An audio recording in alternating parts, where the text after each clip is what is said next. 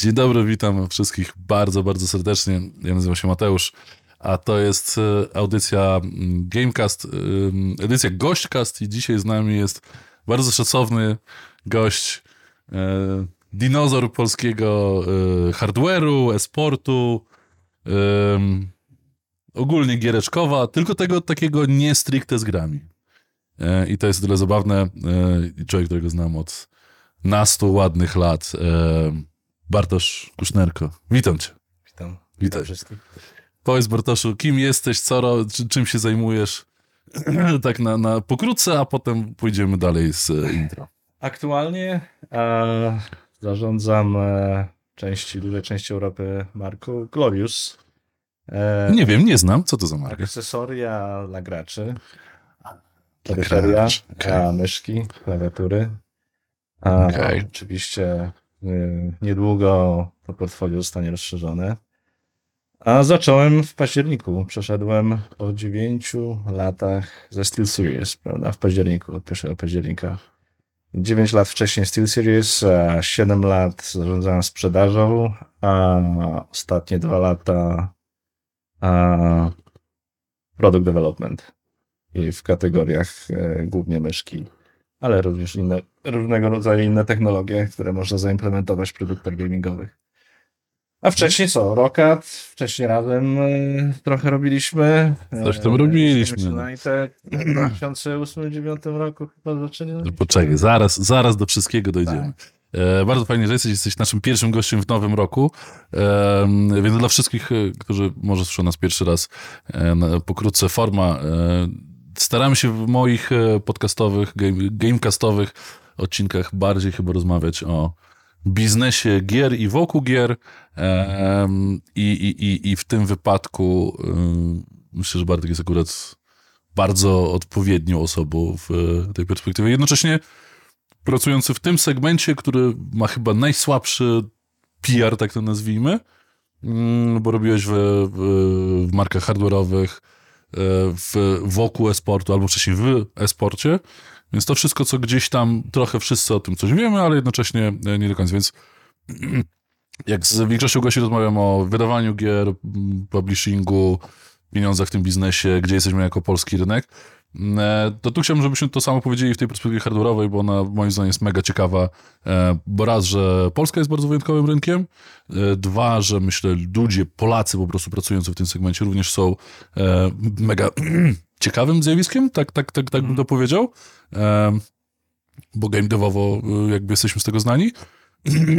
No i jakby też też powiedzieć o trochę jakby tej drodze, którą się też przechodzi która jest równoległa do drogi, e, tak jak ludzie z game devu przychodzili po drodze sobie gdzieś tam, to tak samo funkcjonowała w branży hardware'owej, w której tak naprawdę ludzie gdzieś tam się wymieniają, no ty już jesteś na tyle stary, niestety, e, znaczy doświadczony, że już jakby może e, ciężko było przerzucić się na, na, na, na gry same w sobie, bo, bo trochę doświadczenia w hardware'ze masz.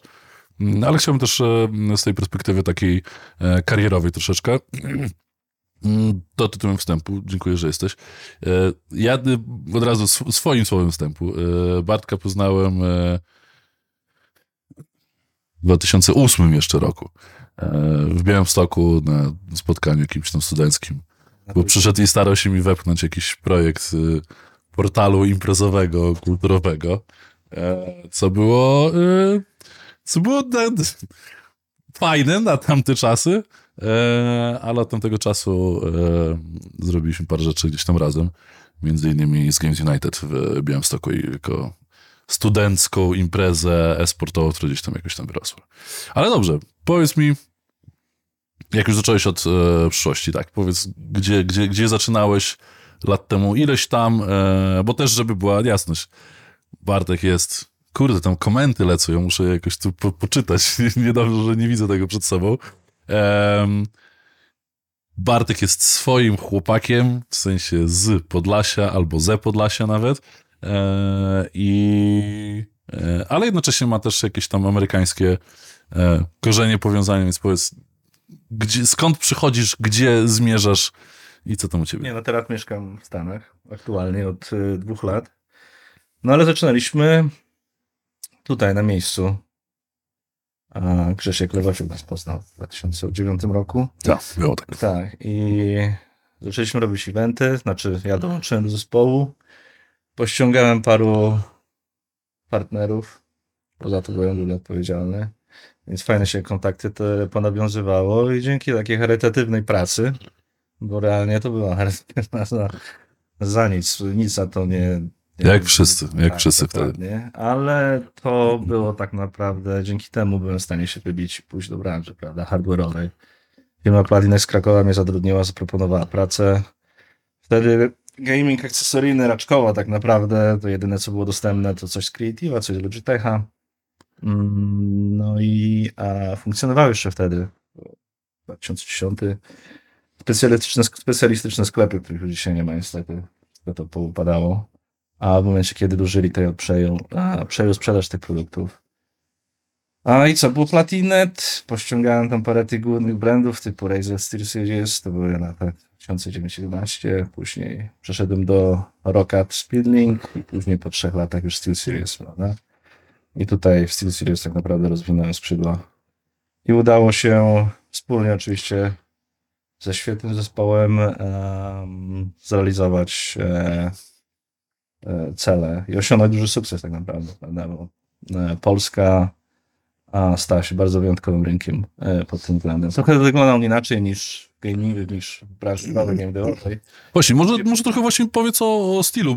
Pozdrawiam w ogóle chłopaków i cały, cały team Steel Series Polska, bo też znamy się od lat. Ale, ale Series moim zdaniem e, było jakimś tam e, przełomowym punktem, bo, bo, bo, bo mm, też w tych latach tam 10-12 przy pierwszym, przy powrocie PGA, czy nawet wcześniej, przy tym starym PGA, czy, czy, czy gdzieś tam na początkach sportu, nie wiem, Samsung Electronic y, Championship, tak to się bodajże nazywało, czy jakiś tam następca WCG, y, lat temu naście, tak? SteelSeries trochę był jako marka, ale nie do końca, y, bo był zawsze, nie wiem, Razer, i w pewnym momencie mm, jakby ta cała taka rewolucja esportowa w Polsce, która de facto też jakby równolegle szła y, z rewolucją game devową, tak? Która tam zrealizowała się w perspektywie Wiedźmina Trójki. Równolegle y, y, polski esport i y, też hardware, y, jakby może nie polski, bo tych brandów polskich hardware'owych nie mamy aż tak dużo, ale też są jakieś tam sukcesy w tym. Mm, się okazało, że y, te- taka marka SteelSeries mogła w Polsce raz, że się przebić i dwa, co może ważniejsze, w perspektywie globalnej się okazało, że byliście y, gdzieś tam na ustach, nie wiem, w centrali, e, czy to duńskiej, czy amerykańskiej Steela, z informacją, że ej, ale wiecie, że chłopaki w Polsce to, to zrobili to i to i udało się to zrobić za, nie wiem, mniejsze pieniądze niż we Francji, a 10 razy więcej ludzi się tym zainteresowało i mają wzrosty, prawda, kosmiczne, nie? Jakby, bo chciałem o tym aspekcie porozmawiać, bo wiem, że to był ten okres taki właśnie tam 13, 14, 15, 16, te, te, te lata takie rozwojowe w tym, tym W okresie. 16 roku tak naprawdę, 16-17 rok to eksplodowało, bo w sumie to kombinacja świetnego marketingu, jakby działania zespołu, zespołowego działania, a przez 17 roku zaczęliśmy mocno um, działać w marketingu, e, influencer marketingu, prawda? I zaczęliśmy łączyć działania sprzedażowe bezpośrednio z e, influencerami. A, I to zaczęło przynosić niesamowite skutki, e, niesamowite efekty e, w postaci gigantycznych wzrostów sprzedażowych. Um, oczywiście później po dwóch, trzech latach zaczęli inni to kopiować. Marka komercyjna Logitech na przykład e, zaczęła to 2-3 lata później uskuteczniać, e, nawet na jeszcze większą skalę, względu na to, że trochę mają większy, dysponują większym kapitałem, ale tak naprawdę ten marketing, e, influencer marketing był, to, był tym przełomowym elementem, który gdzie indziej nie był stosowany. Ja nie mówię, że my stosowaliśmy jako pierwsi influencer marketing. Tak. Tyle, że w Polsce i mi się wydaje też globalnie zaczęliśmy to łączyć tak mocno ze sprzedażą, prawda? I ROI liczyć i patrzeć rentowność e, danego e, działania, danego współpracy z danym influencerem, tak żeby to wszystko się spinało, zaczęliśmy liczyć kaloryczność ruchu, prawda? Bo nie każdy influencer jest w stanie ci dobyć takiego samego klienta, a teraz mamy takie trendy, że raczej ci mniejsi mają ten bardziej kaloryczny ruch, prawda? Czyli taki bardziej bardzo zaangażowana społeczność, która ich słucha, słucha ich poleceń, tego co, co polecają, co sugerują kupić. A więc tak, mi się wydaje, że influencer marketing był tym przełomowym, ale też dużo innych rzeczy. Postawiliśmy mocno na customer service, a, bo z tym był duży problem. Wszystkie marki, marki miały z tym problem i się motały trochę pomiędzy mm, zatrudnieniem e, wy- wyspecjalizowanej agencji, która się zajmuje serwisem, e, w przypadku przykład Creative'a, a co też nie do końca działało. My postawi, postawiliśmy na e, budowę struktur tutaj w Polsce globalnych, e, które zajmowały się customer service i tu mamy właśnie SteelSeries ma w Polsce bardzo duże biuro, nawet trzy chyba, z tego co pamiętam, w Warszawie zatrudniono ponad 100 osób. Okej. E, więc e, było to miks różnych e, decyzji. E, głównie oczywiście marketing, ale sam marketing by oczywiście tego wszystkiego nie dowiózł. Trzeba było jeszcze innych parę elementów spiąć, żeby ten sukces osiągnąć. No i bardzo postawiliśmy na tak zwany sell-driven business, a, czyli nie pakowanie tkanek, zobaczymy co się stanie, tylko tak naprawdę końcowym sukcesem u każdego jest sprzedaż do klienta końcowego, prawda? To jest twój końcowy sukces, to jest ten końcowy etap. I monitor, monitor, mo- monitorowaliśmy to na bazie tych wszystkich raportów, zbieraliśmy raporty od klientów, żeby po prostu sprawdzać, co, jak się dzieje, wiecie, tagowanie linków, żeby sprawdzić, który, który kanał komunikacyjny, czy to influencer, czy to AdWordsy, czy to social mediowe kampanie przynoszą największą efektywność. Te, te, tego typu rzeczy doprowadziły do sukcesu. Rozumiem, że raz, że y, zaczęliście stosować y, mm, jakby takie pełne portfolio y, jakby i promocyjno, i wsparcie sprzedaży, i co się uśmiechasz? Tak? Ładnie to wyglądasz? Dobrze. E, zaczęliście takie e, pełne portfolio stosować e, mechanizmów gdzieś tam wspierających sprzedaż. Jakby to staram się gdzieś tam e, przekazywać, że Mm, że, że Polska nie tylko grami stoi, tak, jakby stoi hardwarem od... A, okej. o, dobrze. Bliżej mikrofon. E, Polska nie tylko grami stoi, ale zanim e, stała grami, to e, stała hardwarem e, i tam jest kilka tego powodów. Tak jakby wspominam jakby twój sukces z, ze SteelSeries, bo tak naprawdę to, to była jakaś spora przemiana z brandu, który był jakoś tam znany w okolicach, tak jak zaczynaliśmy, roku 2008, 2009, 10, no to był jakiś tam brand, tak? I raptem parę ładnych lat później to jest w swoim segmencie lider, tak? Tak. Jakby to faktycznie zrobiłeś ty i jakby wasz y, zespół polski, Tak. mając z jednej strony no, y, podatny grunt, bo jednak y, ten polski gracz, polski odbiorca był trochę wychowany na sporcie, trochę wycho- wychowany na sprzęcie, którego zawsze było za mało, albo zawsze był trochę za drogi, w końcu mogliśmy go kupić. Jednocześnie na to, to ten, ten taki wybuch y, związany z LoLem, z Counter-Strike'iem, z no, Złotą Piątką, ale Virtus Pro e, i z paroma innymi jakby elementami. Tak, kilka rzeczy się naraz jakby nałożyło, ale jak e, ktoś gdzieś tam, e, pamiętam parę lat temu mnie pytał, że czym się zajmujecie, mówię, no tam na takiej, takiej tam marki SteelSeries pracujemy, nie? Ja, a co to za marka? Mówię, no, a Razera znasz, no to to jest jakby główny konkurent. A, no, coś tam kojarzy. Ja mówię, to tak nie do końca coś, coś tam kojarzysz, nie? Bo jakby ty nie, nie, nie jesteś świadom tego, że ta marka tam sprzedaje się tak dobrze, że, yy, że no jakby ludzie się gdzieś tam w Stanach pytają, jak to jest możliwe, że można w takiej Polsce robić yy, sprzedaż, że jakby bo miałem, że to, to, to niezrozumienie tego fenomenu gdzieś tam nadal sobie funkcjonuje, a dobrze je podkreślić, że, e, że ludzie tak jak ty z takim zapleczem, że trochę gdzieś tam coś e-sportu sobie robiłeś, czy grałeś, tak? Bo byłeś graczem First Cuff, e, Oj, tak? tak, no. Ale byłeś graczem e, Enemy Territory, tak? E, Enemy Territory, no tak. Znaczy wcześniej grałem w ogóle Enemy Territory. Okej. RTCW, Enemy Territory, później najpierw RTCW, prawda? Później No. darmowe Enemy Territory. Grałem w jakichś tam klanach, ale raczej drugoligowych. A później wyszły Quake Warsy, które to były? 2006? Oj, Quake Force już teraz nie pamiętam, ale, ale coś, coś takiego, nie? No i tam powstała scena i graliśmy Clan Base, grałem. Trochę też Call of Duty był, nie pamiętam, który to był e, realia II wojny światowej, ale nie wiem, to było chyba coś o Azji chyba bardziej. Już nie pamiętam. coś takiego, no. Trochę było, nawet adminowałem clan base'owe ligi, byłem adminem na clan base'ie przez krótki czas, e, więc trochę tam No i w tym sporcie... Parę lat później, tak, żeśmy razem robili na y, te wielkie stalowe stoisko, to był IM 16 rok, tak bodajże, czy 17?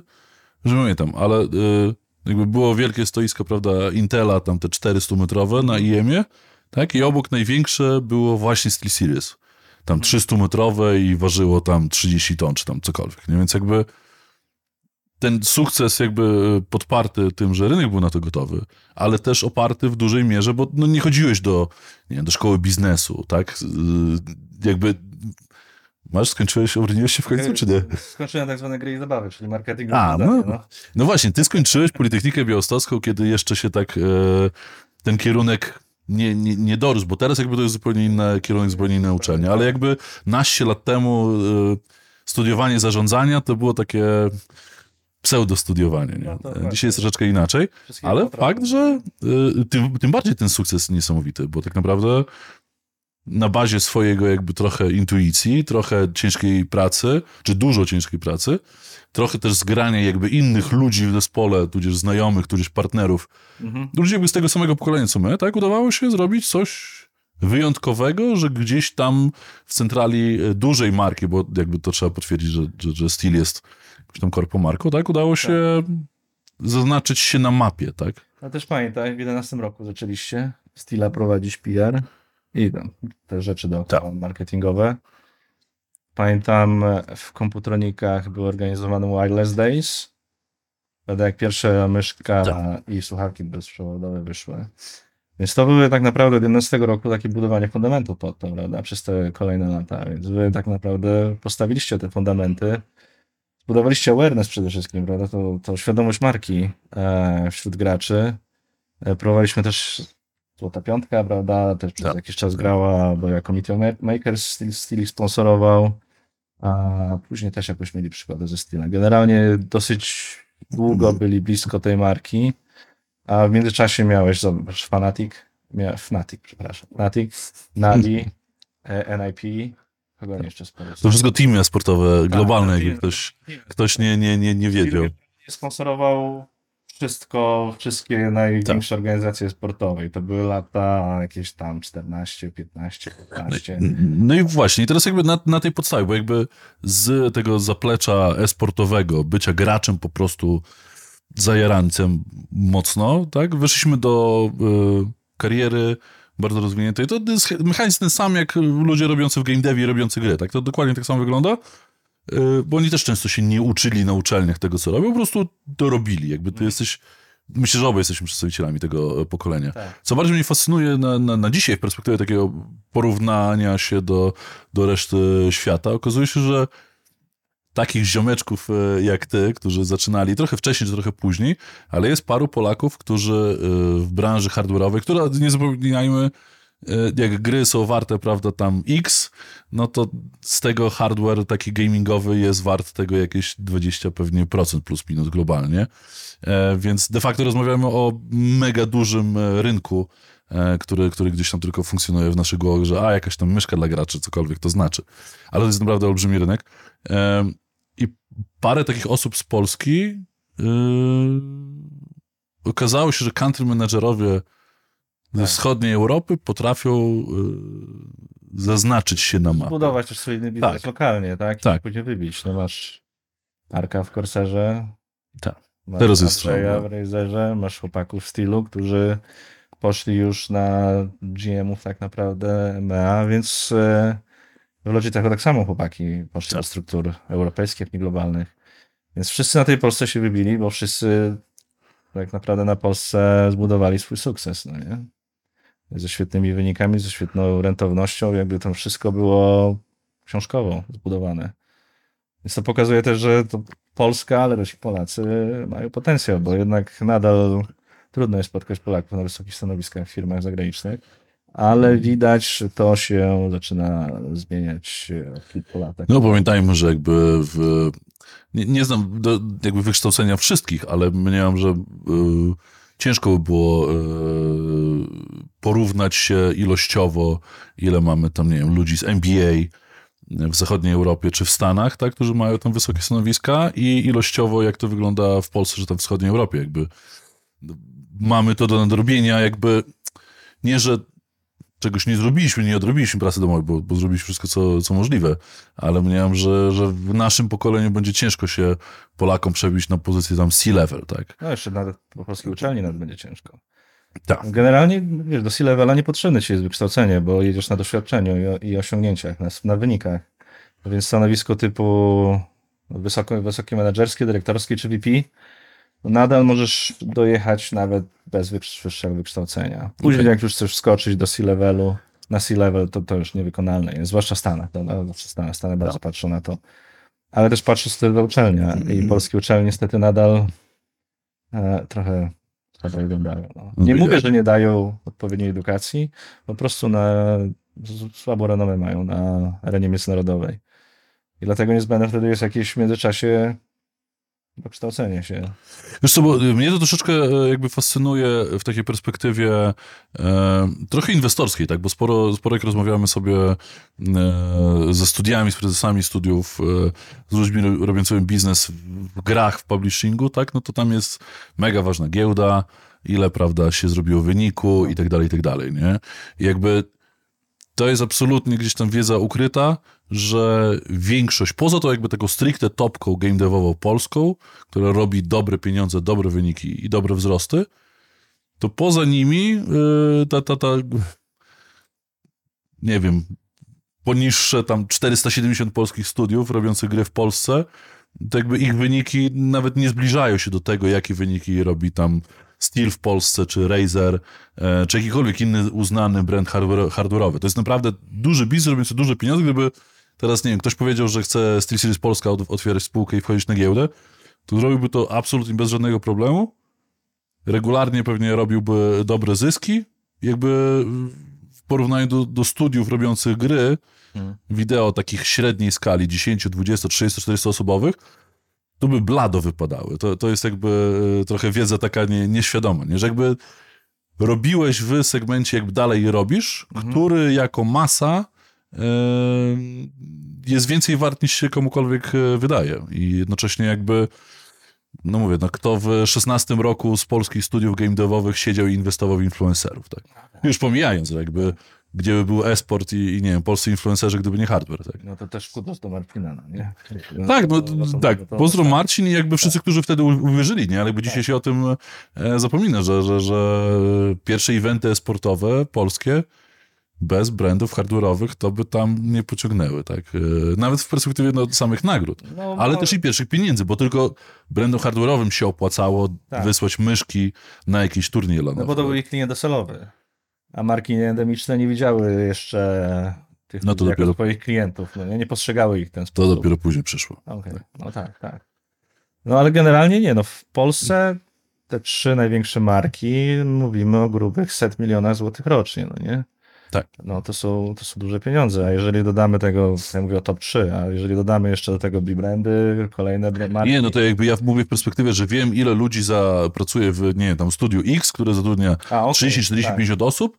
Ja wiem, jakie oni mają wyniki i jakby wydaje się, że to uznana czy w miarę ogarnięta spółka game devowa na polskiej giełdzie, o której się pisze, inwestorzy się jarają, idą na eventy i tak dalej. I sobie myślisz, no fajnie, to, to, to, to fajny, fajny, fajny biznes, nie? Tak. Tylko, że jakby porównać to do hardware'u i tego, jak to wygląda, to, to hardware jest e, gdzieś tam kilka kroków ładnych e, do przodu. Nie? Więc to jest trochę, Czy- może też dla młodszych e, gdzieś tam nas, nas słuchaczy, jeśli się zastanawiają jakąś tą drogą swoją, to, to, to staram się to podkreślać i może też dlatego jesteś tu idealnym tego przykładem, żeby powiedzieć, że jeśli nie tylko same gry, albo jeśli się nie odnajdziecie w robieniu gier, to na przykład hardware jest e, Tak, świetnym miejscem do, do, do realizowania. Rzeczy dookoła. Nie? Tak, no bo, więc jakby to jest też informacja do, do, do wszystkich, bo no u nas nawet w Galaktusie też sporo osób jakby zajarało się bardziej e-sportem i jakby sprzętem niż stricte grami. Nie? Teraz jakby się powiedzmy to wyrównało to firmy, ale przez lata miałem więcej ludzi, którzy wyrośli z tego, że lubili e-sport jako taki, jako rozrywkę jakby jarali się bardziej sprzętem niż nową AAA-ową grą. Nie? Jest tym bardziej, że tak naprawdę to wszystko ewoluuje, technologie ewoluują. Nawet e, w akcesoriach e, dla graczy. To się wszystko zmienia, nowe rzeczy, nowe rozwiązania. mnóstwo, mnóstwo, cieka mnóstwo ciekawych e, tematów tak naprawdę. To No nie- właśnie, to, nowe to, mi- nie, to no- Myszka to nie, to nie jest tylko myszka. I tak naprawdę Właśnie w tej perspektywie nowych rzeczy powiedz coś o Gloriusie, bo powiem szczerze, mi się wydaje, że tak jak nasza historia, nasza, powiedzmy nasza, ale tego naszego pokolenia jakby tej, tego hardware'u i trochę sportu jest ukryta, e, albo nie, nie, nie do końca e, zrozumiana, to mniemam też, że historia Gloriusa jest e, nieznana, a, a- jest raz, że ciekawa, dwa, że bogata, bo też już parę lat marka jest na rynku. No i właśnie, jak, jak, jak to widzisz w tej perspektywie? I dla siebie, i nie tylko. W 14 roku powstali trzy osoby, świeżo po studiach, studenci, tak naprawdę, no absolwenci. Um, należeli do, na Reddicie do tej grupy tych takich entuzjastów podkładkowych, myszkowych, prawda? I zobaczyli potencjał, żeby zrobić jakieś podkładki, ale trochę lepsze. Zaczął się podkładek, zaraz później przyszły myszki i trafili w ten trend z dziurawymi myszkami ultralekkimi. No i to eksplodowało, naprawdę. I to zostało zrobione przez trzy osoby, studentów. No. Eee, jak słyszałem opowieści, to było na zasadzie 20 tysięcy sztuk myszek wjeżdżało na e-commerce ich D2C i wyjeżdżało raz, dwa. Nie nadążali z popytem. Było taki, był taki okres. E, Później ten zespół się trochę zbudował, roz- rozbudował do mm, bodajże 18 osób. E, W 18 roku zaczęli dodawać kolejne kategorie i to były klawiatury. No i skala biznesu osiągnęła taki poziom, że no, trzeba było kogoś puścić, prawda? Do czego Tak. E, każda tak, tego typu firma e, dochodzi do tego momentu, że musi wpuścić e, kogoś z kasą, czy to venture capital, czy private equity. I private equity w 2022 roku wszedł Francisco Partners, gi- gigantyczny, gigantyczny fundusz z San Francisco. Właściciel też Corsera NZXT na przykład, prawda? Ale tam Mhm. portfolio mają gigantyczne. Dofinansował, ściągnął świetnego CEO, którego mamy ze SteelSeries, Pata. E, Naprawdę świetny człowiek, e, wizjoner, świetną wizją na markę, ze świetnymi pomysłami um, i dociągnął parę osób e, ze swojego otoczenia. W tej chwili w ciągu dwóch lat od przejęcia, niecałe półtora roku, firma ma już 140 osób, zatrudniamy 140 parę osób dokładnie. Rozbudowaliśmy dział produktowy, dział marketingowy oczywiście dział sprzedażowy. A, no i teraz dążymy do wyższych celów, rozwijamy kategorie, rozwijamy produkty, prawda? Um, nowe, nowe rozwiązania, nowe... Właśnie, co możesz powiedzieć o nowych rzeczach? No to, to jest Nie, generalnie co wszyscy chyba przespali w branży, to rozwój tej kustomizacji, personalizacji produktów. Mhm. E, Zaczęło się to w pandemii, zaczęło się to w Azji, bo oczywiście większość trendów startuje w Japonii, Korei, Chinach. Tam się zaczynają trendy. Później te trendy przechodzą na Stany Zjednoczone, Europa przeważnie jest ostatnia, prawda? No ale pewnie jest tak, że zawsze adoptuje się do tych trendów. Mm. I ze względu na to, że wszystkie mainstreamowe marki jednak bazują bardzo, jakby proces decyzyjny polega bardzo na obserwacji danych, analizach, badaniach rynku i tak dalej. W związku z tym nie wyskakiwało to w badaniach, e, w badaniach rynku, bo jak badasz, to przeważnie to są casualowi odbiorcy, prawda? Casual odbiorca nie będzie raczej e, a, tym człowiekiem, który właśnie te, łap, łapie te wczes- wczesne trendy, więc to nigdzie nie wychodziło w badaniach, nigdzie to nie wychodziło w wynikach selloutowych, GFC i tak dalej. Um, ale Glorious, jakby trochę mniejsza marka, zaryzykował. E, widział, że dzieje się z tym dużo, widział, że to jest duże zainteresowanie i zaczął w tym, w tym segmencie widzieć swoją przyszłość w kustomizacji właśnie produktów, personalizacji produktów. A bardzo dużo brandów w ogóle powstało w pandemii. Właśnie jeżeli spojrzeć na ten segment e, produktów dla graczy, ale tych skustomizowanych do kustomizacji, są głównie klawiatury obecnie, prawda? Mhm. O, to bardzo dużo marek powstało w latach 20, 21, 22. Bardzo dużo marek, głównie azjatyckich, e, które naprawdę osiągnęły niesamowite wyniki.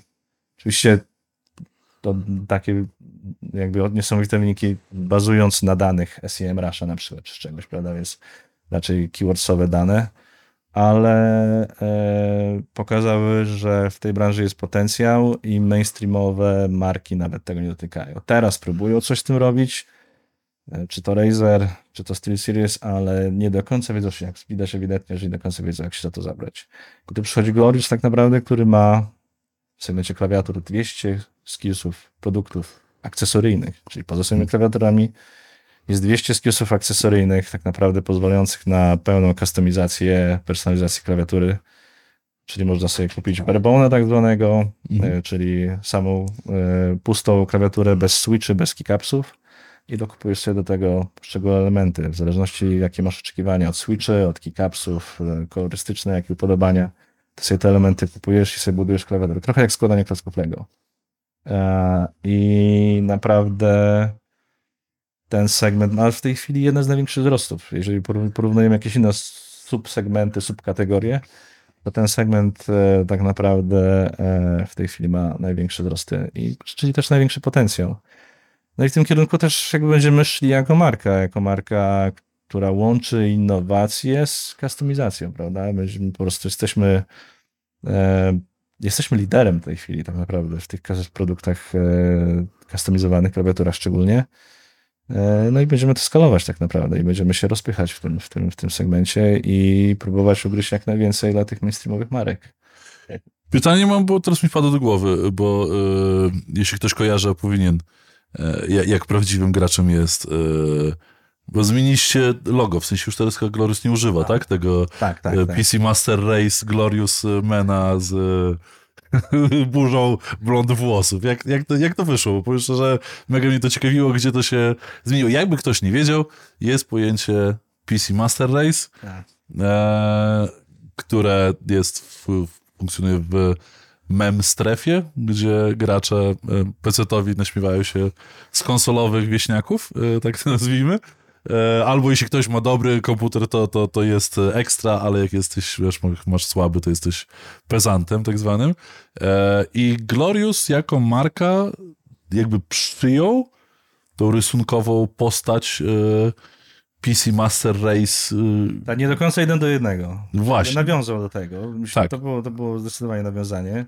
No bo to były produkty skierowane do PC-towców, nie do konsolowców, prawda? Stricte to była marka PC-towa, Znaczy chyba wszystkie marki hardware'owe tak naprawdę, gamingowe, które to startowały. są tak naprawdę PC-oriented tak naprawdę, Większość. tak? No bo, no Większość, większość. no miałeś jak, nie wiem, no Astro Gaming, już przejęte w Logitecha, no to było stricte No ale to konsolowe. tylko przez Amerykę, bo No tak, tak, no. chłopaki grają w koleżu i grają Tak, na konsolę. Ale generalnie wszyscy zaczynali od PC i później dorzucali po prostu, uzupełniali ofertę o rzeczy skierowane do konsolowców tak naprawdę. No, no bo w końcu przychodzi ten moment, że trzeba też tymi konsolami się W sensie zabranie PC Master Race Dude, koleżki yy, z loga, no ono się jakby to był przypadek jakby celowe, czy, czy po drodze postanowili, że okej, już wyrośliśmy z tego, jak, jak to wyglądało? Bo ja nawet nie wiem, w którym momencie to zniknęło i tak, kurde, ten logo chyba to nie jest to, co się było wydaje- wcześniej, nie? Mi się wydaje, że znaczy, nie znam dokładnie historii, ale mi się wydaje, że to jest związane z wszechobecną e, kulturą kancelowania czegoś, jednak PC Master Race to jest Okej. trochę takie Kurde, no ja jakby, moc- dla, moc- dla mnie z perspektywy takiej, wiesz, estetyki y, tego, co oglądam na co dzień, logo marki, które de facto jest praktycznie biorąc memem, jest jakby trochę nową, tak? To nie dzieje się Tak. na co dzień. Większość marek tak nie robi. To było tak bardzo e, takie zakorzenione w, w korowym community tej marki, było. że aż tak bardzo naturalne, że aż pomyślałem sobie, nie, dlaczego, dlaczego od tego, tego odeszliśmy, tak? To, to, było, to właśnie było to, to był sam core y, tego, czym ta marka jest, tak? Nie, no i nadal ludzie z tym, ludzie tak to kojarzą. Z kim No. rozmawiam, to PC Master Race, tak? Bo Glorious jest e, to jest naprawdę dosyć wyjątkowa marka względu na to, że siłą kilku osób z Dallas byli w stanie zbudować globalną markę. E, I mi się wydaje, że to właśnie to jest jeden z tych elementów, że właśnie PC Master Race, fajne, fajny branding, fajna otoczka, fajna historia. Nawet, nawet w Polsce potrafili osiągnąć jednego klienta 10% udziału w myszkach, nie mając żadnych lokalnych działań, żadnego su- supportu salesowego czy marketingowego. Po prostu Tak. prowadzenie produktów i od razu byli klienci, którzy znali tą markę i chcieli ten produkt, prawda? E, ale nie wiem do końca, nie jestem w stanie się odpowiedzieć na to pytanie, dlaczego to zmienili. A, Okej. No trzeba było to trochę Sorry, widzisz, mogło mi to wcześniej forma- pytanie wpaść do głowy, bo to, Tak. to tak, to jest, to jest ciekawy motyw. Ale okej, okay, dobra, no, no, ja się znaczy, dowiem. Logo też, i... pamiętaj, to poprzednie logo było zbyt skomplikowane też. y, To, to rodzi Tak. też dodatkowe problemy, bo musisz gdzieś umieścić ten branding, czy to na opakowaniach, czy to w, w retailu, w sklepach, prawda, masz brędzone strefy z marki i, i jakby to logo musi być prostsze. Musi być trochę Tak. E, łatwiejsze do wykorzystania. A tamto było logo jednak, to jest tak jak kiedyś ze SteelSeries. Tak, też tak, tak, bardzo, e, co tam było pod SteelSeries napisane? Bo- Professional Gaming Gear bodajże. Tak. tak. I to jest jednak, też to ucięli, prawda? Oczywiście się ba bawili z boldowaniem i tak dalej. Tak. ale generalnie tam... Ja do dziś widzę, że niektóre eventy albo Tak, online'owe jakieś turnieje potrafią mieć Tak, stare logo e, ze zboldowaną nieczo częścią logówki. No ale to No, ale mi się wydaje, że przychodzi po prostu na każdą markę e, przy osiągnięciu pewnego poziomu przychodzi moment, że trzeba zrobić rebranding, który jest bardziej uniwersalny. Bo ten branding jest po prostu już bardziej uniwersalny, tak? No Okej. e, Dobrze, powiedz, bo jeszcze chciałem, wiesz co, jedną rzecz rzucić, która, którą mam nadzieję, że też może jest e, e, trochę, trochę w, związana z mm, tą tematyką, którą poruszamy na co dzień, czy co odcinek w, w biznesie, w grach. E, Mianowicie retail polski, bo to też jest takie trochę zjawisko, które, które, które mm, czy znajomym, czy y, ludziom y, jakby pracującym gdzieś tam w korpo, y, jakby świadomym świata marek, jakby nie wiedzą, jak bardzo na przykład Polska jest wyjątkowa jako, jako, jako y, rynek sprzedażowy. Bo oczywiście jesteśmy liderami, jeśli chodzi o e-commerce, Allegro y, i tak dalej. Tu, nie wiem, no, płatności o- online'owe, tak, Blik i tak dalej. Jakby jesteśmy tu wszędzie liderem. Fintechy, tak, PayPal, płatności opóźnione. To wszystko jest, jesteśmy mega liderem, ale jednocześnie mamy też bardzo mocny segment retailowy, który na co dzień jakby kojarzy nam się z reklamami media ekspertów w, mediach, które są aż dźwięczą w uszach i wszyscy, jak tylko spytasz kogoś o, o, o czy zagadasz o retail, to no Jezu, ten media ekspert to ciągle tylko tymi reklamami, reklamami. Ja mówię, nie, jakby zrozumcie, że to, że w Polsce jest tyle sieci retailowych, to jest de facto sukces, tak? Tak. W sensie bardzo specyficzny sukces, bo aż tak je, przykładu jeden do jednego chyba w Europie nie ma, żeby rynek był tak podzielony. To jest rynek, który jest mega konkurencyjny. To jest, e, no stara się być wydajny, jakby teraz ma jakieś może swoje problemy, ale, ale przez lata był mega wydajny i to jest też rynek, na którym no, nie ma monopolisty e, Amazona e, czy Media Marktu do, do pewnego momentu, jak w Niemczech. Jakby się okazuje, że to jest rynek, w którym trochę się kreatywnie sprzedaje, masa ludzi jest zatrudniona, jakby cały czas możesz przejść z firmy do firmy. To, to jest de facto rynek pracownika, w którym jakość sprzedaży jest mega ważna, więc jakby trzeba to docenić. Ja rozumiem, że na koniec dnia często słyszymy e, Cleo w reklamach, ale de facto z perspektywy takiej biznesowej e, to jest e, ciekawy kawałek e, opowieści o polskim retailu jako o takim ukrytym bohaterze polskiego przedsięb... pol- polskiej przedsiębiorczości. Ja myślałem, że ogólnie w 21 roku chyba Amazon wszedł do Polski, nie? 21 czy 22? Coś takiego. Myślałem, że będzie jednak rynek dążył do jakiejś konsolidacji, wywalczyć z największym przeciwnikiem. A tu jednak się okazało, że ten Amazon no, jakoś tak nie ma startu. Co nam tam no bazon, panie? Tu swoje mamy problemy. Nie, no Amazon. nie, nie, nie widać tego Amazona w Polsce. Nie odnieśli jeszcze sukcesu. Wiadomo, oni to mają na wiele lat rozłożone, więc e, e, może przyjść czas, że jednak zaczną ten, ten, te udziały w rynku zdobywać. Ale generalnie mi się wydaje, że tak w przeciągu 10-20 lat nastąpi jakaś konsolidacja i zmniejszenie tej liczby, tej, tej liczby sklepów. Mediamarkt w Polsce, nie wiem, w branży growej był zawsze postrzegany jako lider, zwłaszcza w, w grach, prawda, że po prostu musisz być Mediamarkt w sklepie, tam się kolejki ustawia po nową konsolę, tam się kolejki, ale generalnie Mediamarkt nigdy nie był topowym graczem w Polsce, nigdy. E, Zawsze to była walka RTV RGD versus Media Expert, kiedyś jeszcze awanse, które zostały przejęte przez Media Expert, czyli firmę Terk. E, No i, no i XCOM i Morele do tego z komputronikiem, tak? Tylko Mi się wydaje, że w tej chwili jednak XCOM dominuje w tym takim segmencie hybrydowym, bo to jest taki silny e-commerce z jakimiś tam mało, mało powierzchnio, małymi sklepami, prawda? Ekspozycyjnymi slash punktami odbioru. Tak, ale generalnie jak ktoś nie zna rynku polskiego, to jest szokowany, prawda, że jest tak y, bardzo rozdrobniony rynek w Polsce. Generalnie i tak to jeszcze inaczej wygląda niż na przykład w Czechach, gdzie masz y, bardzo duży segment małych sklepów takich komputerowych. To, co kiedyś u nas w Polsce było, tego mm. dużo było. No przecież kiedyś kupowało się w małym jakimś sklepiku komputerowym. Również pierwsi sponsorzy polskiego esportu, żeby tak, nie, tak, nie dokładnie. No, dokładnie, tak. Ale to u nas umarło, a nadal na przykład e, w Bałkany, Czechy, czy tam jakieś inne kraje bałkańskie, nadal ten segment jest bardzo mocny, tego małego retailu, tak? Oni po prostu sprzedają lokalnie przez swoje fizyczne sklepy. Szczerze tylko wtrącę, bo jakby ktoś jeszcze nie wiedział, tak, no, ten polski rynek jest tak pokrojony, bo jest Euro, jest Media Expert, jest XCOM i MediaMart i Komputronik i Morele i tak dalej, i tak dalej. Neonet yy, I Neonet jeszcze trochę. Się znajdzie, no.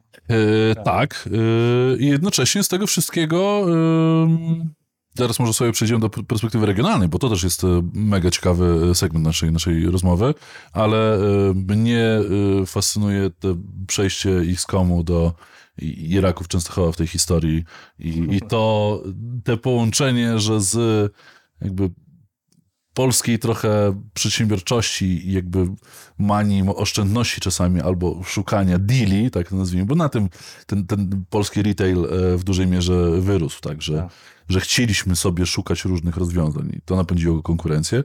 To doprowadziło do tego, że mm, te retaile raz, że się rozwinęły, y, dwa, że, dwa, że mm, mogły się pojawić gdzieś tam pieniądze na inwestycje, także w sponsoringi, także w No tak, to zaczęli wchodzić od paru lat. Gaming, sport sponsorować na, czy to AIM Katowice na przykład, prawda? Nie no, jakby mnie teraz, wiesz, życzyłbym sobie, żeby y, Inter y, Milan nie był sponsorowany przez Oknoplast, który gdzieś tam sprzedaje, tak? Tylko no. żeby, nie wiem, no może nie Manchester City, ale żeby XCOM taki Arsenal kiedyś przysponsorował, nie? Bo, bo będzie XCOM w Anglii. Ciekawe. Tego bym sobie życzył, nie? Bo no jakby... Tak, ale wiesz, ale już wchodząc to już musi być międzynarodowy brand, wiesz, to już musi, bo XCOM istnieje w Polsce i w Niemczech, bo jest, pamiętajmy, tak. że jest też XCOM.de. E, nie wiem, czy mają jakieś, plan, jakieś plany na ekspansję, ale miałoby sens na przykład Arsenalu, gdyby mieli na przykład e, XCOM co.uk chyba, tak. No tak, tak, no. tak, tak, To wtedy by to miało sens, tak? Eee, no jeszcze większy sens miało. Ale mogliby przysponsorować kogoś w zachodnich Niemczech, to tak trochę bliżej do Belgii i do Holandii, no, gdzie jest masa Polaków, tak, więc jakby no. no. No to miało na pewno jakiś sens, no ale nie wiem, no jest tyle różnych możliwości. Zawsze uważałem, że sponsoring drużyn to trochę taka wiesz, Fanaberia. Właściciela, bo jestem fanem Interu Mediolan, to będę sponsorował Inter Mediolan. No i po prostu, i tu nie chodzi nawet, już moim tak. zdaniem efekty tego sponsoringu są drugorzędne. Po prostu sam fakt, że spełniłem swoje marzenie, tak? Bo... Mnie fascynuje tylko to, czy z tego da się jakby ukuć szerszą, dłuższą historię, że coś jest przed nami, e, co jest że może dopiero te fantastyczne historie biznesowe, tak nazwijmy, są dopiero przed nami, tak, bo e, to też gwoli wyjaśnienia e, dla, dla słuchaczy i widzów, że polski retail, poza tym, że jest jakby mega rozrobniony, bo nie ma tam chyba lidera, który ma ponad 25% e, udziału w rynku, chyba, czy może teraz, może Media Expert teraz ma, nie wiem w sumie. No generalnie masz trzech dominujących. Tak? No, Ale... tak czy siak. Przez wiele lat było, że każdy tam po kilkanaście procent, pięć, sześć różnych kanałów, e, więc rynek był bardzo, bardzo roz. Chociaż to słowo rozrobnione ono źle brzmi, bo jakby no. zdywersyfikowane to w, w, tym wypadku dobrze pasuje do tego. E, ale spośród tych e, retaili, plus do tego no, mamy też paru jednak dystrybutorów elektroniki polskich, którzy robią du też duże pieniądze idące w miliardy złotych rocznie to patrz, że no, dystrybutorzy jeszcze w środkowej Europie nasi sobie dają radę i mają przedstawicielstwo i sprzedają i w Polsce, i na Bałkanach, tak? E, ale no, XCOM dopiero jest w Niemczech, ale było po drodze parę prób wyjścia poza Polskę i e, w tej perspektywie, o ile polscy specjaliści, tak jak ty, e, menadżerowie są w stanie pójść dalej, no to brandy polskie, faktycznie polskie, trochę jest im ciężko się z Polski przebić na na zachód Europy. E, pomimo, że tak jak sam mówisz, jakby, jak, jak właśnie, to, to pytanie do ciebie. czy twoim zdaniem e, lepiej umiemy my w Polsce tym rozdrobnionym retailem ciekawie i intensywniej sprzedawać, czy, czy w takich Niemczech czy Francji, gdzie są rynki trochę stabilniejsze? Kurde, trudne pytanie.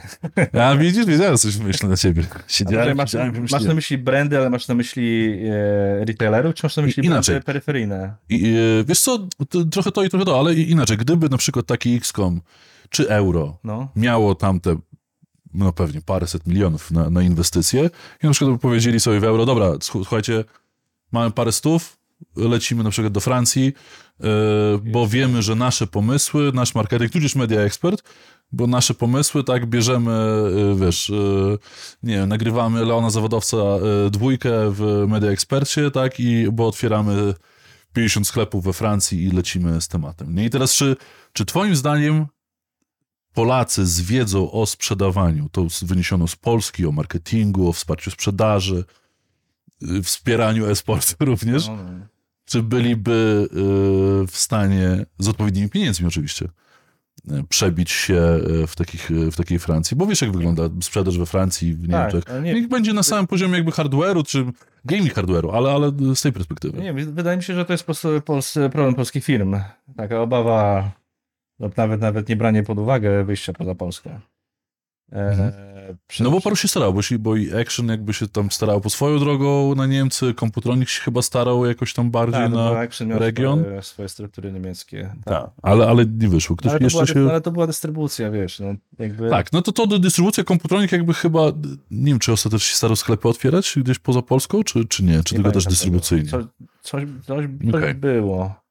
No to ale generalnie wiem, że na przykład X-Comowi idzie całkiem źle okay. w tych Niemczech. E, więc mi się wydaje, że przy odpowiednim, mm, oczywiście przy odpowiednim finansowaniu, ale i przy odpowiednim, e, przy odpowiednich działaniach marketingowych, polskie marki mają naprawdę duże szanse e, na zachodzie. Bo mamy dobrych menedżerów, no nie? Mamy, mamy naprawdę dobrze zorganizowane struktury, tak jak ja współpracuję, tak jak mam porównanie gdzie indziej. Naprawdę w Polsce mamy super profesjonalistów i szkoda, że te firmy tego nie wykorzystują. Moim zdaniem to jest trochę też związane, że dużo tych firm to są firmy prywatne, a prywatne właściciele, no wiesz jak to jest, czasami się nie chcesz dzielić, bo to jest moje. A, więc boję się też podnosić ryzyko, bo to może być ten jeden strzał, który jak nie wyjdzie, to zamykam firmę, prawda? Bo nie, no bo tak, no mówię, no, ruch, miałem, żeby wejść w takie, taką Francję załóżmy, czy jakikolwiek z zachodnich rynków, który ma sens, tak, no bo co z tego, że nie wiem, bo mógłby ich sobie wejść i otwierać sklepy, niech będzie w tych Czechach, tak, e, czy tam w Rumunii, whatever, tak naprawdę w regionie, ale poszli w Niemcy, no bo to jednak rynek, który może dać największe rezultaty, ale no to nadal jest kwestia iluś tam set milionów czy miliardów powiedzmy złotych, tak? No tylko to się wiąże z umowami, e, wiesz, bo z każdym vendorem musisz mieć umowę. Tak. Te umowy aktualnie ograniczają często sprzedaż do jakiegoś regionu, do jakiegoś rynku. E, niektórzy uważają, że to trochę łamanie prawa, ale niektórzy nie, ale generalnie takie umowy są podpisywane.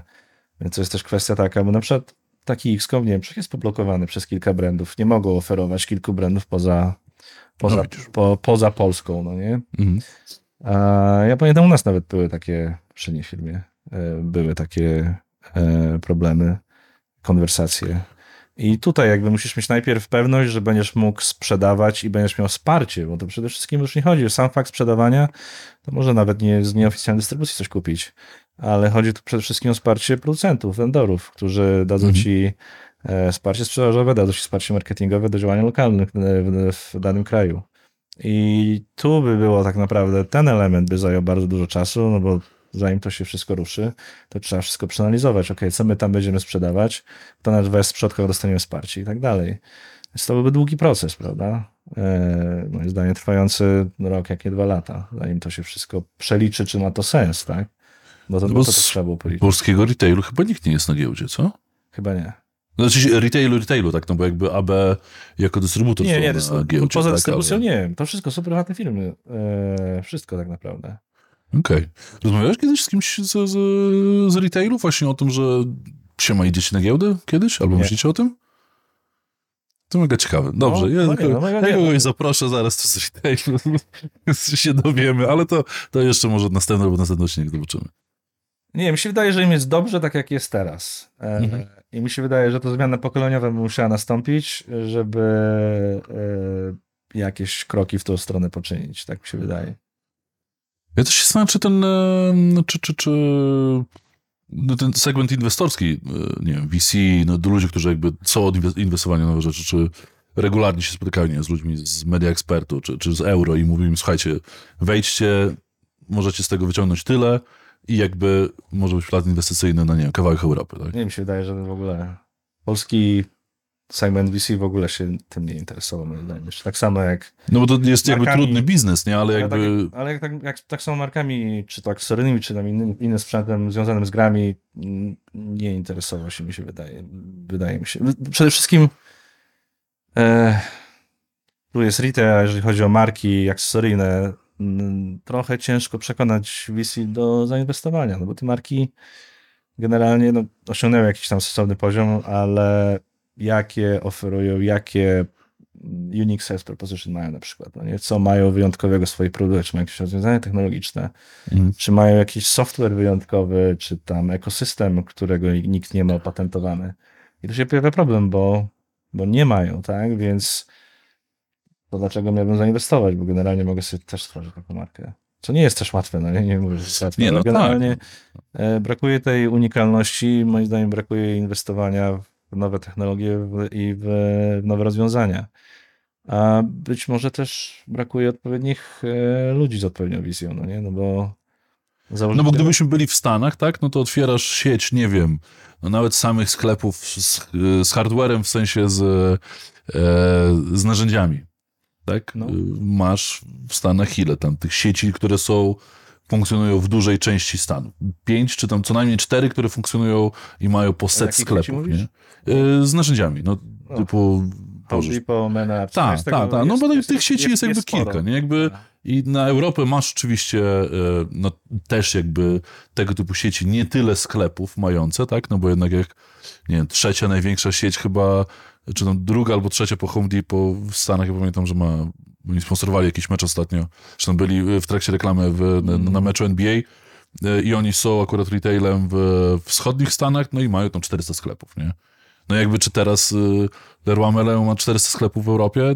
No nie, tak. Jakby mają troszeczkę mniej, jakby w innej skali funkcjonują, ale nadal jakby ta regionalizacja nasza europejska trochę, trochę nam przeszkadza. Jakby O, jest bardzo. spoko, jest spoko dla Francuzów i dla Niemców, ale dla Polaków może niekoniecznie. Nie, no tak jak masz pomysł to na biznes, to Stany są dobrym miejscem do jego realizacji.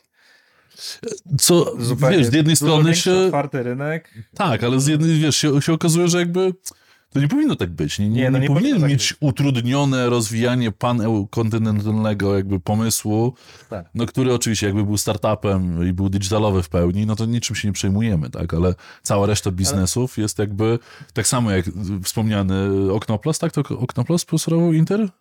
Nie pamiętam. Już nie pamiętam, no, tak, no d- jakby dla nich też każdy kraj to oddzielny temat, to oddzielny ale, problem. ale wiesz, jakby... ale jeszcze żebyśmy chcieli, a tak jak ostatnio jakiś tam e-commerce mi podsyłałeś, e, już nieważne jaki, a, no dlaczego oni nie robią, czemu tylko Polska?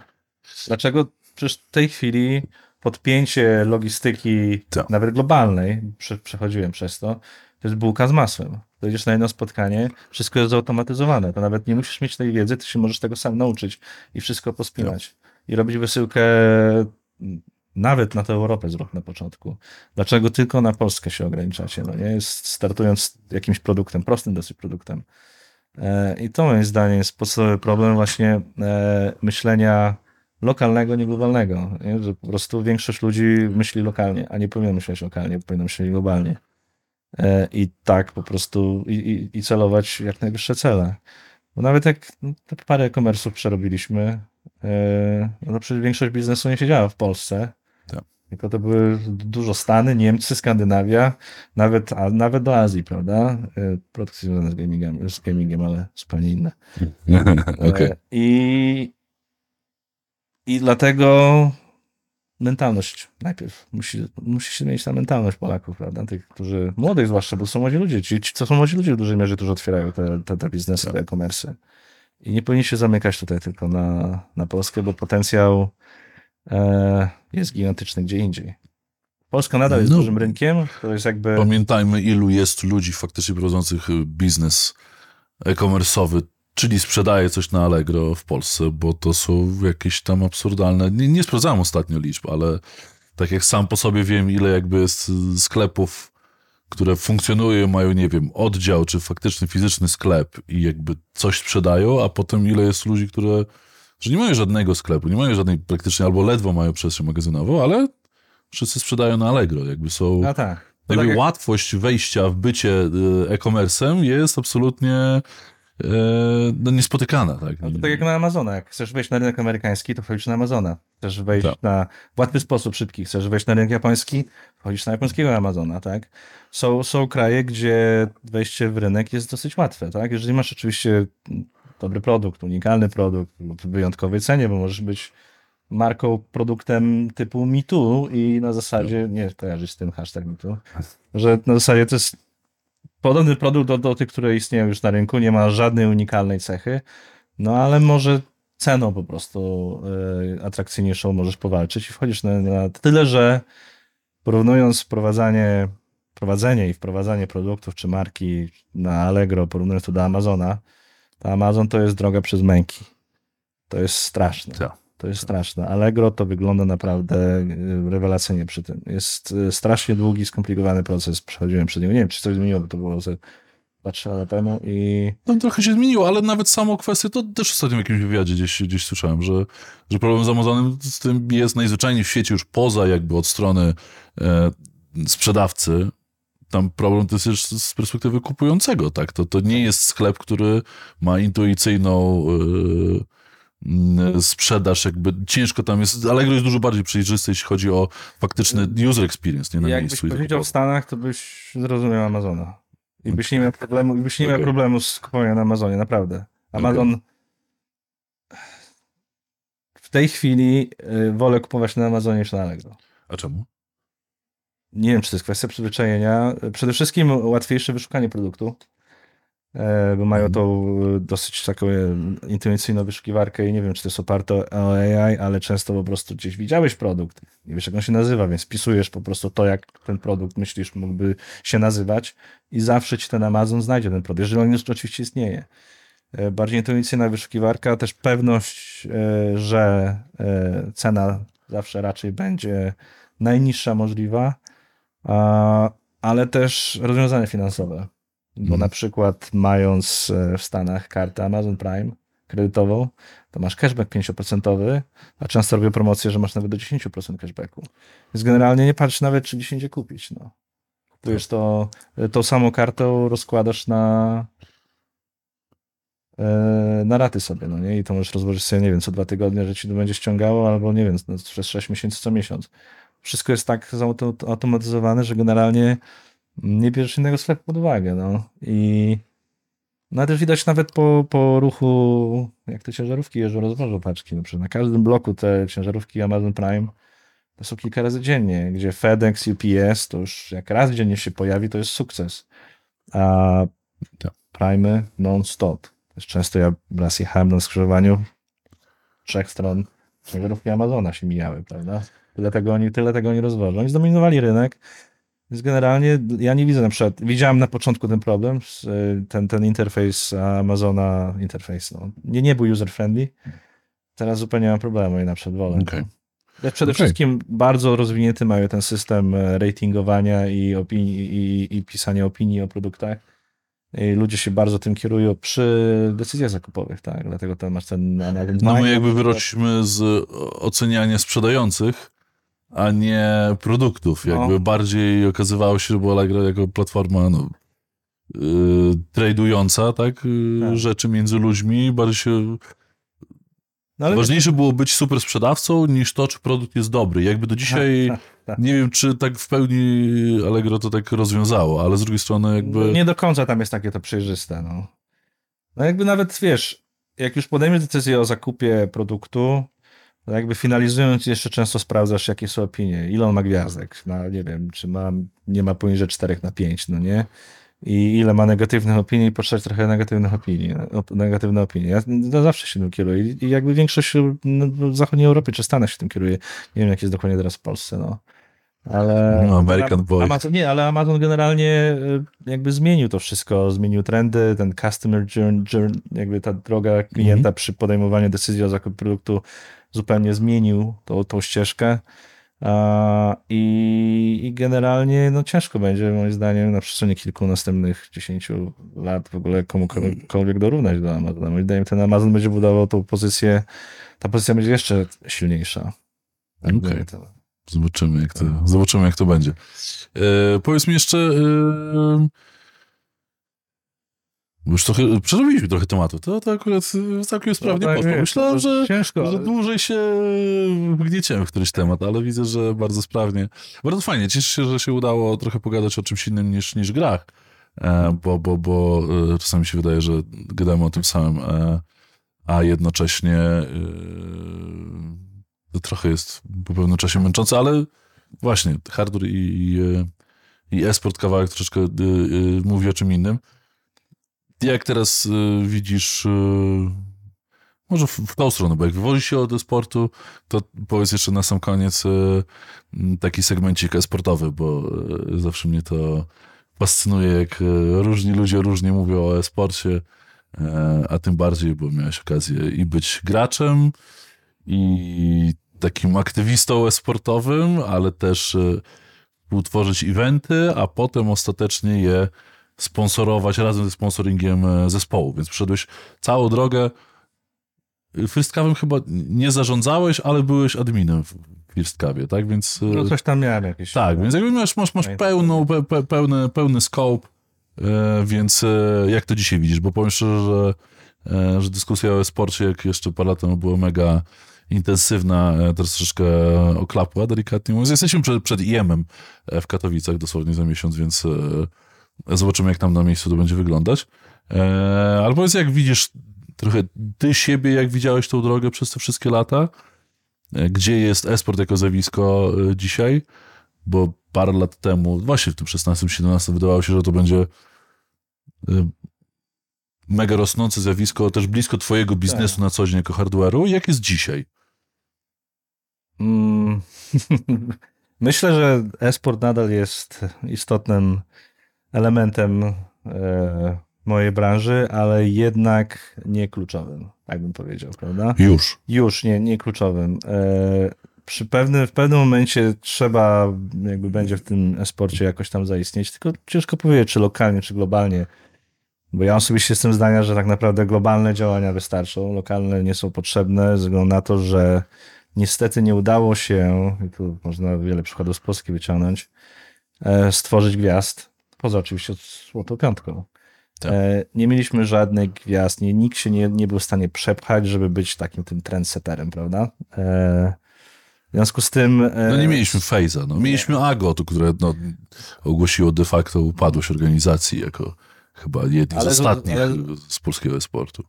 Ale wiesz, ale chodzi o to, poza swoim logiem, poza wrzuceniem jakichś, jakichś tam treści, to nie przynosiło, wiesz, oczekiwanych efektów tak naprawdę. Już lepiej wziąć klan, wzią, e, sponsorować Face Clan, może e, Team Liquid, e, OG, kogokolwiek, kto tak naprawdę ma już zbudowane struktury, bo poza sportem mają też bardzo szeroką, mm, nie lubię słowa influencer, content Tak. mm, e, e, twórców treści. Mhm. Mają wielu twórców treści, których też używasz, prawda? Bo jednak to ci twórcy treści są jednak w stanie przynieść najlepsze efekty. No bo generalnie sprzedaż się na końcu liczy, tak? Mhm. I ty jednak próbujesz to zmierzyć pod kątem sprzedaży, tak? Czy sponsoring takiego AGO, czy innych tam organizacji przynosi ci jakiekolwiek e, korzyści w postaci sprzedaży? Bo ta sprzedaż oczywiście, te efekty mogą być jakoś odroczone w czasie, odłożone w czasie, ale po jakimś czasie to musisz widzieć, że to przynosi No właśnie, to z twoich, perspe- sprzedaż, twoich perspektyw, czy był case, że mógłbyś powiedzieć, dla mnie jako człowieka, który był odpowiedzialny za marketing i tam sprzedaż marki hardware'owej, esport się opłacał. Albo opłacił w którymś to momencie. Eee, opłaci się w którymś tam momencie. W którymś to momencie. Okej, Tak. czyli jak przez parę lat sponsorowałeś, to, to gdzieś tam po drodze w pewnym momencie się opłacił. Tak, Tak? te eventy też się trochę tak mm, rozwodniły, bym powiedział. Weszły marki No. endemiczne i to się zrobiło takie mało, mniej gamingowe, mniej atrakcyjne dla tych marek takich, jak te, których ja pracowałem. Mhm. A, ale jednak obecność na tego typu evencie, tylko oczywiście w, przy rozsądnych kosztach, e, jest czymś istotnym. No, tym bardziej, kiedy ta marka ma duży fanbase, tak? Bo ci ludzie chcą przyjść, chcą zobaczyć nowe produkty, chcą porozmawiać z przedstawicielami tej firmy i tak dalej, i tak dalej.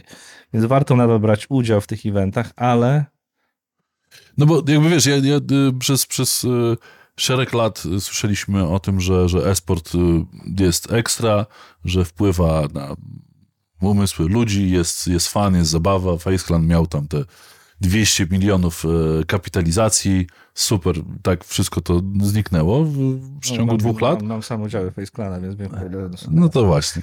No była pandemia, jakby to, to wszystko jakby e, rozumiem. Jakby nie chcę mówić, że sama pandemia e, trochę zarżnęła esport albo, albo złamała kolana, przetrąciła. E, Niemniej jakby e, przez, przez szereg lat słyszeliśmy, że esport po prostu jako zjawisko, bo ta, ten globalny jakby, można powiedzieć, że wpakowaliśmy pieniądze, zasponsorowaliśmy FaceClan, super były wyniki, widoczność, ekstra, nie? Ale na sam koniec, jak zajdziemy sobie do takiego poziomu grassrootu, tak, typu 10 tysięcy złotych za sponsorowanie teamu X w Polsce, który jest najlepszym w danym momencie polskim teamem, który trochę gra nawet międzynarodowo, czy to się opłacało wtedy, czy tylko przez chwilę?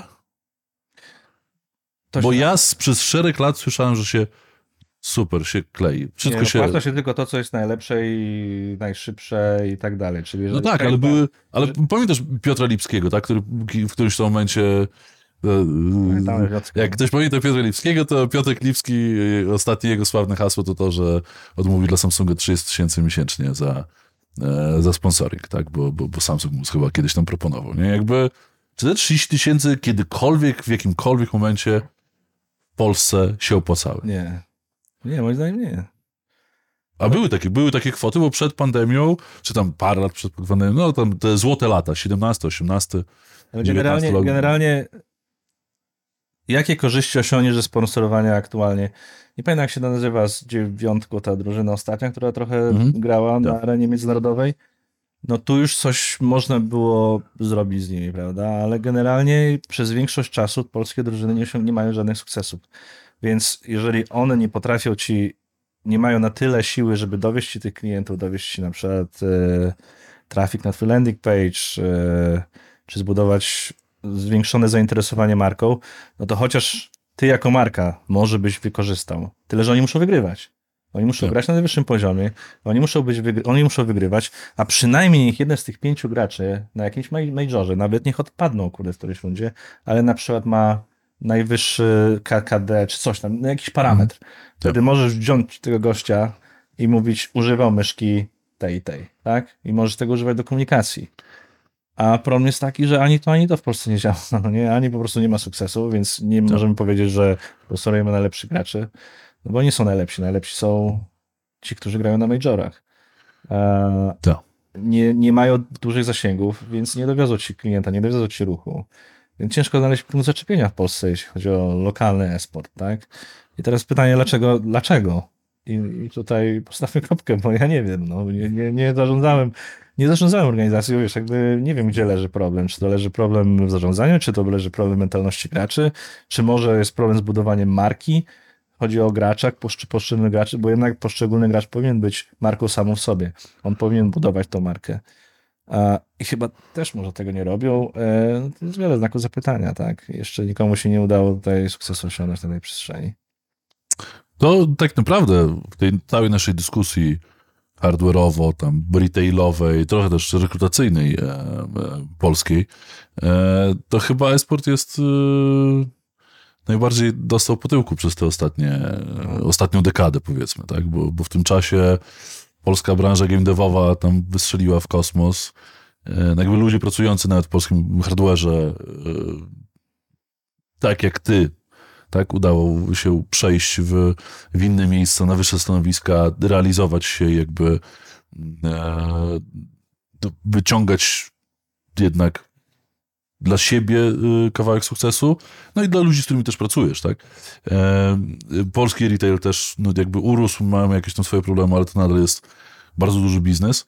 E, I w tym wszystkim esport tak naprawdę y, był jednym z bardziej y, flashy zjawisk, ale jednocześnie troszeczkę gdzieś tam się zatrzymał w całym tym mhm. procesie. Także ja osobiście bym sobie życzył, żeby zobaczyć czy, czy, czy wrócimy do... Bo, bo pamiętasz, jaki był szał, tak? No jakby tak, no w latach 2013, ja 2000... teorię w 18 roku, że to jest rok sportu i że to będzie eksplozja. Jeszcze nawet w 18 roku to mówiłem, ja też tak uważałem.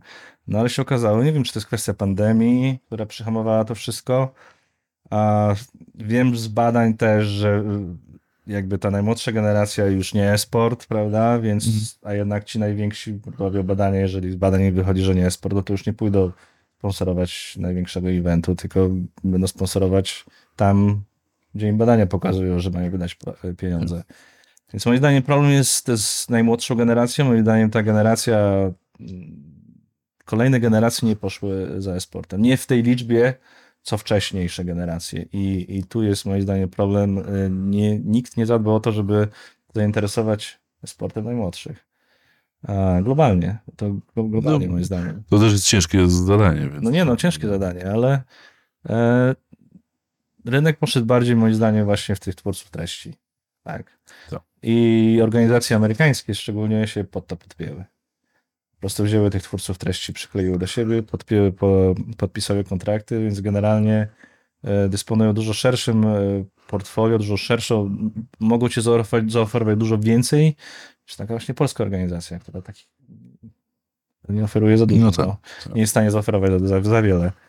E, więc e, no tak, no tak to, tak to w tej chwili wygląda.